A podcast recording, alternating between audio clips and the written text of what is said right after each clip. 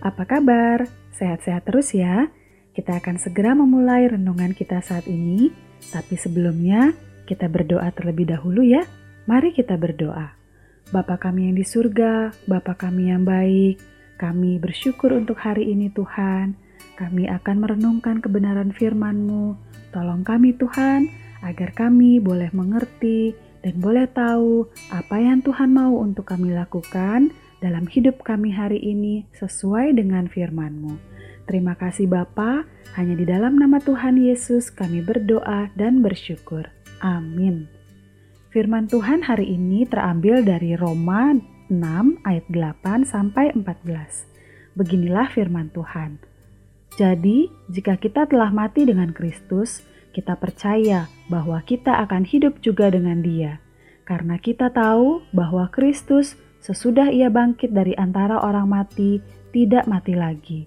Maut tidak berkuasa lagi atas dia, sebab kematiannya adalah kematian terhadap dosa, satu kali dan untuk selama-lamanya, dan kehidupannya adalah kehidupan bagi Allah.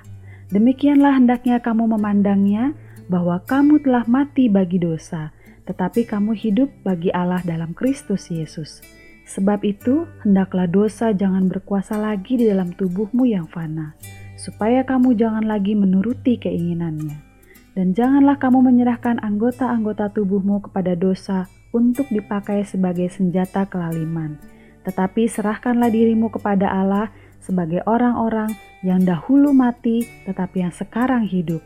Dan serahkanlah anggota-anggota tubuhmu kepada Allah untuk menjadi senjata-senjata kebenaran sebab kamu tidak akan dikuasai lagi oleh dosa, karena kamu tidak berada di bawah hukum Taurat, tetapi di bawah kasih karunia.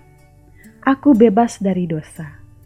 Ketika merayakan Paskah, orang Israel akan makan daging anak domba Paskah bersama sayur pahit untuk mengingat perbudakan di Mesir.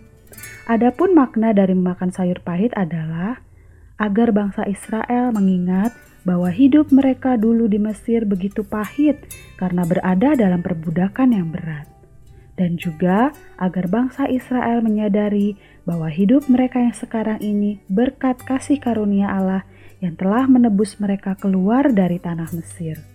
Makna sayur pahit ini sebenarnya berkaitan juga dengan kehidupan kita sebagai orang percaya kepada Tuhan Yesus Kristus, yakni kehidupan kita dulu di luar Kristus adalah kehidupan yang pahit di bawah perbudakan dosa dan tipu daya iblis sehingga tidak ada pengharapan.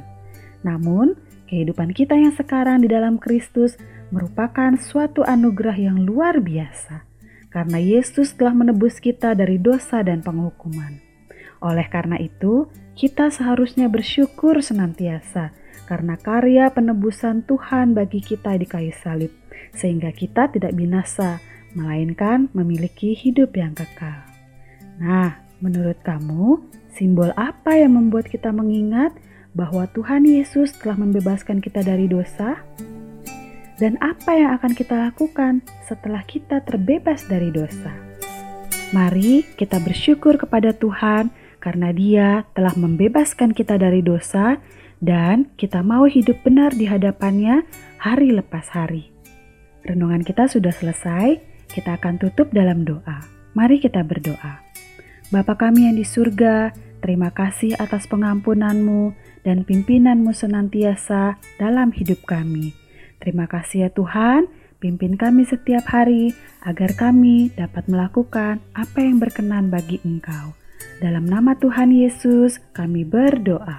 Amin. Tuhan Yesus memberkati.